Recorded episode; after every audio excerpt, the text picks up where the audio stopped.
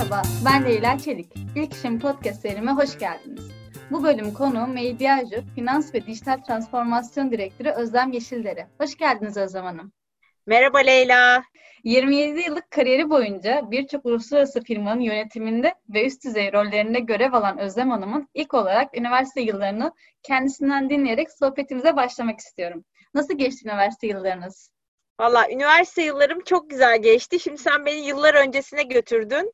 Bir taraftan çok hani derslere girdim, öyle çok kırmadım. Çok da e, harçlığımı çıkarmak adına bolca ders verdim falan ama üniversite yıllarının ciddi anlamda hakkını da yerine getirdim diye düşünüyorum. Çok güzel bir arkadaş grubumuz vardı. Ben e, Boğaziçi Endüstri Mühendisliği'nde okudum. Müthiş arkadaşlıklar kurduk o zamandan başlayan. Hala da çok aktif bir şekilde e, kızlı erkekli görüşüyoruz. Süper günlerle beraber o günleri yad ediyorum. Hem bir araya gelir derste çalışırdık hem de bir araya gelip güzel de eğlenirdik. Geziler vesaire e, oldukça hakkını vererek geçirdim diye düşünüyorum üniversite yıllarımın. Ee, üniversitedeyken staj yapma imkanınız oldu mu? Üniversitede staj yapma imkanlarını özellikle yarattım. Bazen böyle işte şey yapıyor insanlar, e, zorunlu stajları doldurmak adına kağıttan e, imzalar alıyorlar. Ben bolca imkan yaratmaya çalıştım. İlk stajımı isim vermekte de e, şey yoktur diye düşünüyorum. Türkiye Sanayi Kalkınma Bankası'nın IT bölümünde, bilgi işlem bölümünde yapmıştım. Orası çok keyifli bir ortamdı. Eski bir kurum. Yeri de çok güzeldi. Böyle set üstünde. Hem işimi öğrenirken bir taraftan da oradaki ikili ilişkileri nasıl ilerlediğini, kurum kültürünü gözlemledim. Öğlenleri sahil kenarında yürüyüşler olurdu. Onlara da bir taraftan katıldım. O ilk stajımdı. Çok keyifli geçti. Burada böleceğim kusura bakmayın. Siz endüstri mühendisliği mezunusunuz. IT departmanı staj yapma fikri nereden geldi? Endüstri mühendisliğini e, aslında benim seçme sebeplerinden bir tanesi biliyorsun. Endüstri mühendisleri ne iş olsa yaparım diyorlar. Hatta bir tane şakası var iş ilanı ya endüstri mühendisi ya da lise mezunu aranıyor bir iş için diye. Gerçek midir değil midir bilmiyorum. Öyle bir ilan dolaşır dönem dönem bizim gruplarda. Endüstri mühendisleri de biraz e, İsviçre çakısı gibi oluyor. Farklı farklı işleri yapıyorlar. Ben de bilgi işlem dersleri de almıştım. Programlama dersleri de aldım. Oralarda da iyiydim. Ee, burada da mümkün olduğunca farklı şey öğreneyim diye istiyordum. Onun için hem e, böyle bilgi işleme de başvurdum. Şimdi anlatacağım bambaşka başka işler de yaptım. E, mümkün olduğunca geniş bir e, öğrenme setini bir araya toplayayım diye istedim. İkinci stajımı İngiltere'de yaptım. O da çok ilginç bir stajdı. Lucas Industries diye dizel motorları üreten bir firmanın ses ölçümlemesini yapan birimde çalıştım. Ben de çok fazla büyük bir bilgiyle gitmedim aslında. Londra bazlı bir operasyondu. İlk gün gittim böyle. Herkes erkek, bütün erkek mühendislerden oluşuyor. Tek bir tane kadın var. Ben de ikinci kadın mühendis adayı olarak aralarına katıldım. İlk böyle bir yerlere gidiyoruz. Sürekli seyahat halindeyiz. İngiltere'nin e, daha doğrusu Birleşik Krallığın değişik yerlerine beraber gidiyoruz. Onlar sürekli geliyorlar. Ya benim elimdeki çantayı alıyorlar ya işte bir şeyleri e, kaldırıyorlar. Ben de hiç öyle şeylere alışık değilim. Ya dedim bırakın ben kendi çantalarımı kendim taşırım. Kendi gideceğim yerlere kendim giderim. Siz bana yol yordam öğretin, e, nasıl bu işlerin yapıldığını öğretin. Geri kalanında üstüme ne görev düşüyorsa çantamı taşımak dahil olmak üzere yapacağımdan emin olabilirsiniz. Sonra onlar da anlayışla karşıladılar ve hani beni e, olduğum gibi kabul ettiler. Orası da bir taraftan hem çok farklı yerlerdeki fabrikalar, iş yapış şekillerini görmenin yanı sıra benim doğum günü dönemime denk gelen bir zamandaydı. Gizli böyle hayatımda ilk sürpriz doğum günü partimi e, bir staj esnasında İngiltere'de kutlamış oldum. Hiç tanımadığım insanlarla e, bir ay bile değildi. Yani bir 10-15 gündür oradaydım çok büyük nezaket göstermişler. E, harika bir doğum günü partisi yaptılar. Fakat ben anlamayayım diye böyle dolandırıp dolandırıp aynı yerlerden geçiyorlarmış. E, oldukça güzel, eğlenceli hem çok şey öğrendiğim hem de e, keyifli arkadaşlıklar edindiğim bir staj oldu. Sonrasında da aslında hiç gene bunlardan alakasız diyeceksin sen. Bankacılık stajı yaptım. Citibank'ta bir staj yaptım.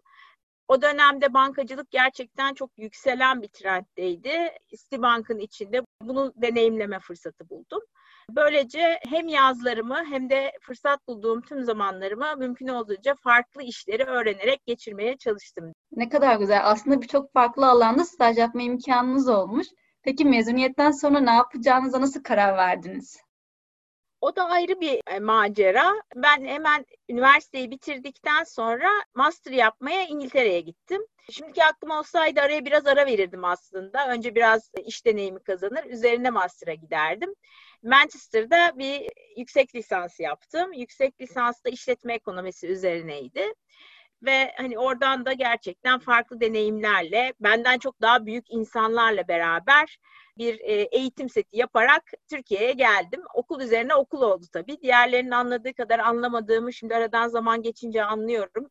Hep üniversite mezunu arkadaşlarıma araya bir miktar yapabiliyorlarsa iş tecrübesi alıp sonra master'a gitmelerini istiyorum. Neyse uzun hikaye sonra e, Türkiye'ye döndüğümde asıl iş arama dönemini kaçırmıştım artık böyle Eylül sonu Ekim başı falan gibi dönemdeydi. Bir de ben e, gerçekten hep mümkün olduğunca farklı şeyler öğreneyim. İşte endüstri mühendisleri bankacılık da yapıyor, planlama da yapıyor, bambaşka hiç e, ilgisiz işler de yapıyor. Ben de bunların hepsini yapayım e, halinde biraz ayran gönüllü bir halim de vardı.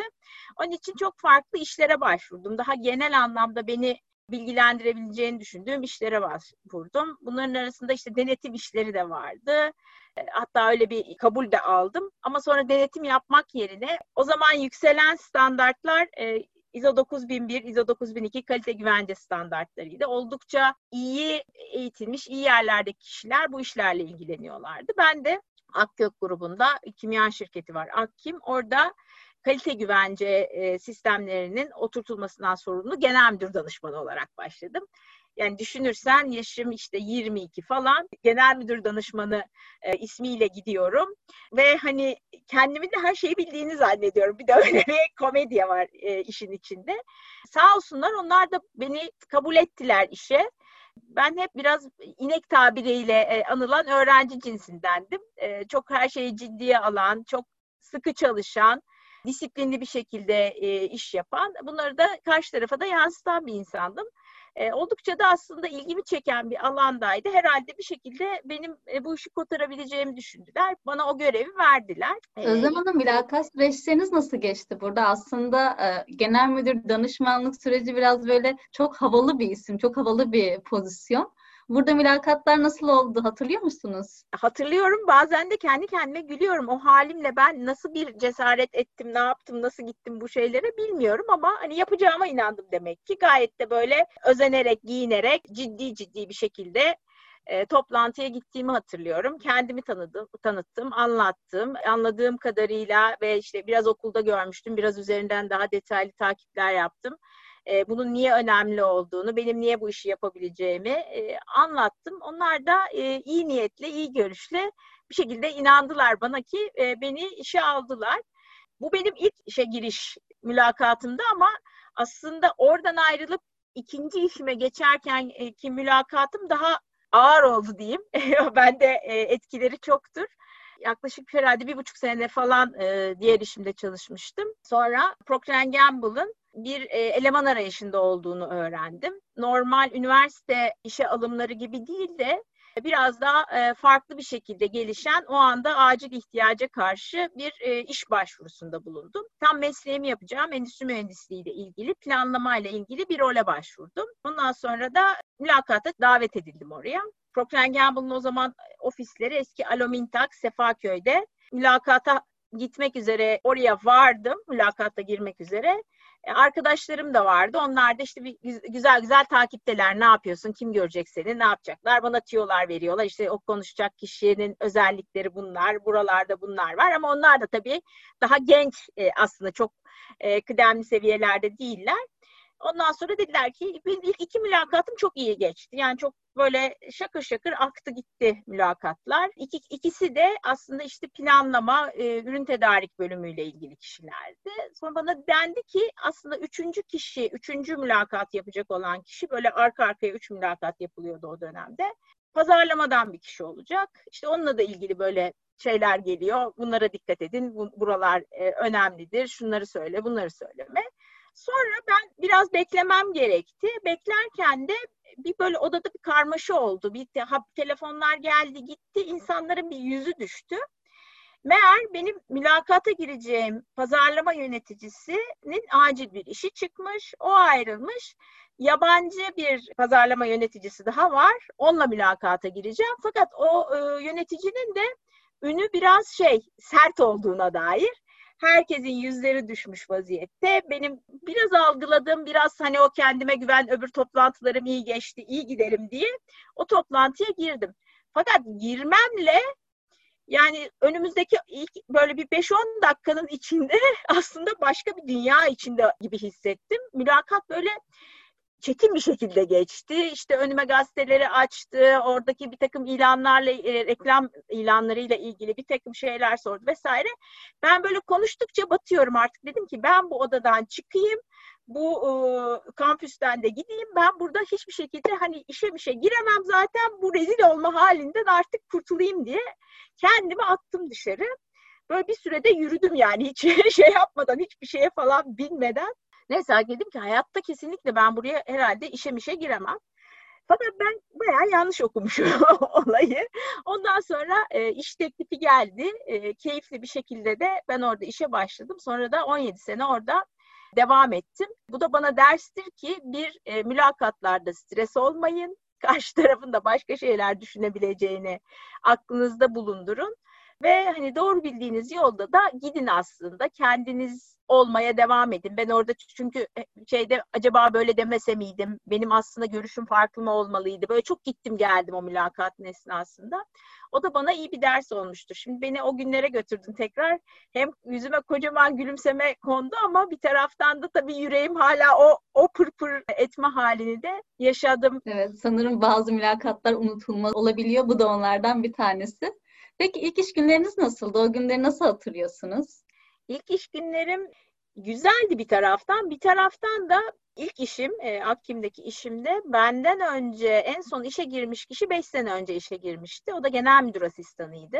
Böyle daha durmuş, oturmuş, konularında bilgili bir kadroyla baş başaydım. En çok da ona şaşırdım. Hani diğer arkadaşlarıma bakıyordum. Gene beraber aynı dönemlerde işe giren kişiler vardı ortamda. Bizimki biraz daha farklı bir ortamdı. Fakat ona rağmen e, ben gerçekten keyifle çalıştım. İş hayatımda çok büyük bir kısmında ben hep seyahat ettim. E, Akkim'de de Yalova'da fabrikalar vardı, Çerkezköy'de fabrikalar vardı. İlk günlerden oralara gidip neler yapıyorlar, onları anlama fırsatım oldu. Oldukça da keyifli bir dönem e, geçirdim. Tabii toplantılara giriyorum. Ben aslında oldukça büyük olduğumu düşündüğüm için her konuda da bir fikrim var. Onları dile getiriyorum. Onlar nazikçe beni dinliyorlar. Bazılarının niye yapılamayacağını söylüyorlar. Ben yeni bir sistem e, getirdiğimi düşündüğüm için aslında bunun niye yapılabilir olduğunu onlara farklı yöntemlerle anlatmaya çalışırken onların gerçekten çok toleranslı olduğunu da zaman içinde anladım. Kendi başıma gelenlerden daha sonraki dönemlerden de. Güzel de bir iş çıkardık diye düşünüyorum. Hep beraber el ele verdik. Ee, yaş farkına veya benim tecrübe eksikliğime rağmen sanıyorum hem tutkum hem de çalışkanlığım onların da gönlünü kazanmayı başardı beraberce yeni bir sistemi oturtmayı da başarmış olduk o dönemde. Peki böyle sizi şaşırtan, ilginizi çeken uygulamalar oldu mu ilk iş günlerinize? İlk iş günlerim derken bu ilk iki işi de ben beraber olarak düşüneyim, beraber bir pakete koyayım diyeyim. İkinci işimde de şöyle bir şanslı tarafım oldu benim. İlk işe girdim. E, yöneticimin çok geniş sorumluluğu vardı. İşte bir takım şirket birleşmeleri oldu. Farklı alanlarda birden çalışmaya başladık. Ben ilk 3-6 ayımın içinde gerçekten çok üst düzey toplantılara ekibimi temsilen gitmeye başladım gene. Ee, benim böyle bir şey e, halim oldu. Çok fazla aslında çıraklık yaptım ama o çıraklığın yanında da e, bir taraftan üst düzey toplantılara o toy halimde beni nasıl soktular bilmiyorum ama herkes bana o fırsatı verdi. Gene böyle bir ilk bir toplantıya gideceğim hiç unutmuyorum. Çok iyi derslerimi çalıştım, her şeye hazırladım. Bizim o dönemde fact book denirdi. Bütün her türlü bilgilerin olduğu kalın kalın dosyalar. Fact book'umu hazırladım. Toplantıya gittim. Gebze'deki şirketin toplantısıydı. Böyle masanın etrafında oturduk. Benim ilk toplantım. Ben bir taraftan böyle bakıyorum kim kime ne diyecek, ne nasıl yapacaklar, doğru şeyleri söyleyeyim, ağzımı açmışken garip kaçmasın diye. Ve bütün o hazırlıklarımla beraber işte benle ilgili konu gelince ajanda e, gündem konusu ben başladım anlatmaya. Fakat anladım ki hiç benim hazırlandığım yerden gelmiyor konular. Çünkü aslında bu konuyla ilgili e, herkesin farklı görüş açısı olan bir durumdaymışız. Benim yöneticim farklı düşünüyor. Karşı taraftaki tepe yöneticinin farklı düşünceleri var.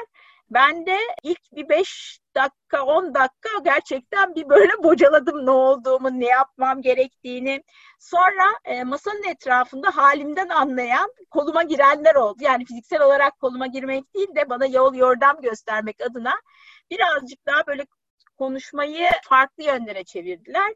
Ben o zaman uyandım ki e, aslında daha esnek, daha farklı açılardan da bakmam gerekiyor. Birkaç tane daha da konuyu buluşturup daha farklı bir analizle gelmek gerekiyor. Onun üzerine dedim ki tamamdır e, toparladım o toplantıdan çıktım ama o e, benim aklımda kalan şey e, alanlardan bir tanesidir.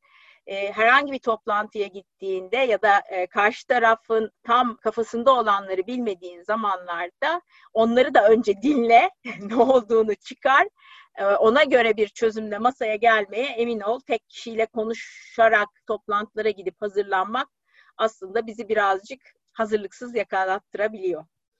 Peki bu kadar anıdan sonra geçmişe baktığınızda o günkü hayallerinizi gerçekleştirdiğinizi düşünüyor musunuz? Güzel soru. Ya benim en büyük hayatta beni, beni hep mutlu eden şey insanlara dokunmak, e, farklı bir şeyler yapmak, değişiklerin peşinden gitmek oldu.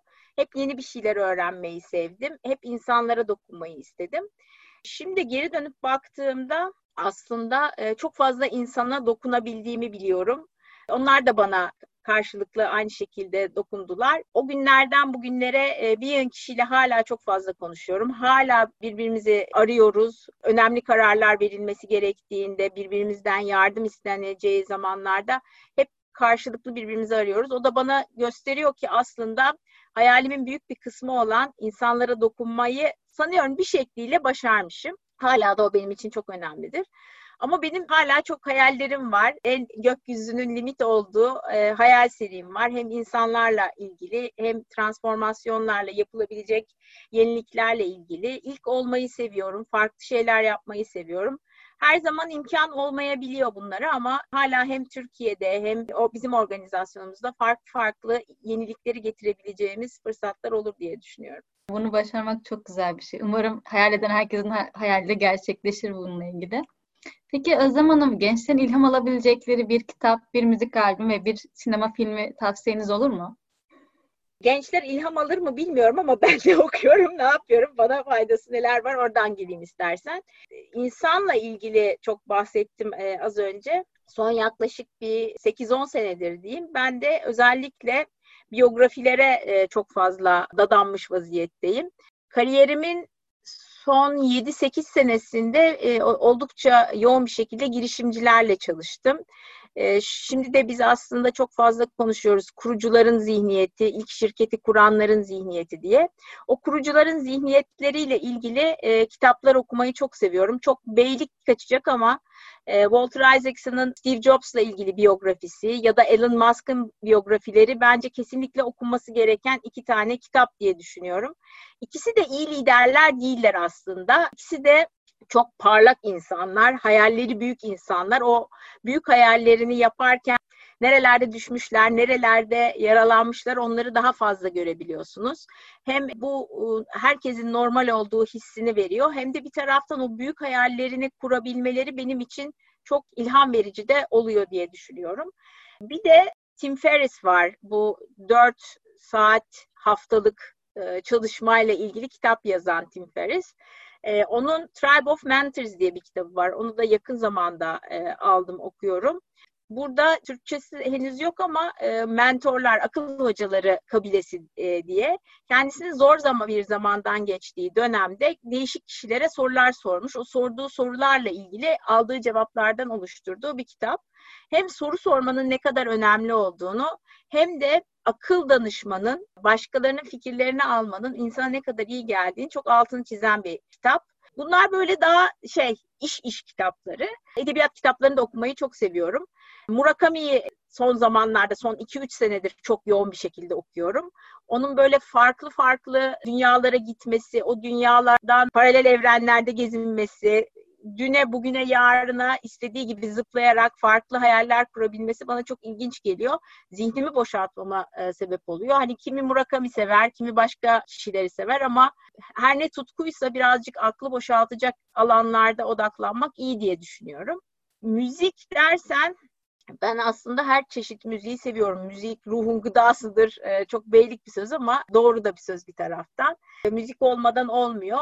E, en çok da aslında dünya müziklerini seviyorum. Son zamanlarda mesela e, Lübnan'dan Fayruz'u dinliyorum ya da İran Mohsin Namcu dinliyorum. E, biraz oğlumun da etkisi var. O böyle şey farklı e, müzikleri çok fazla seviyor. Evde de çalıyor. Onların etrafında yaparken ben gene hayallere birazcık dalıyorum. Finans insanı için bu kadar hayallere dalmak garip diyeceksin rakamlar e, dünyasında ama onlar da beni hayata bağlıyor diye düşünüyorum rakamlarla getirirken. E, bir de podcast söyleyeyim istersen. Podcastlerde de aslında iki tane podcast beni podcast dünyasını çok sevdirdi. Bir tanesi Masters of Scale. Reid Hoffman bu LinkedIn'in e, kurucularından da e, bir kişi. Değişik değişik girişimcilerle, yatırımcılarla yaptığı işleri büyütmek üzerine sohbetleri var. Onları çok keyifle dinliyorum. Bir de az önce bahsettim Tim Ferriss. Tim Ferriss'in kendi e, bir podcast'i var. Onlar böyle daha uzun saatler oluyor. O da başka dünyalara beni götürüyor. Özlem Hanım bir de sizden film önerisi alabilir miyiz? Valla film olarak aslında çok güzel filmler var. Bir, bir yıl hani sevdiğim filmler var. Godfather falan onları da severim ama İtalyan Job'u böyle pratikliği, çevikliği, iş bitiriciliği, aksiyon tarafından çok seviyorum. Onun için izlemeyen hala kaldıysa belki oradan izlenebilir. Bir de finansçı şapkamla hep böyle rakamları seven bir insan olarak Moneyball diyeceğim. Moneyball Brad Pitt'in başrolünde oynadığı bir film.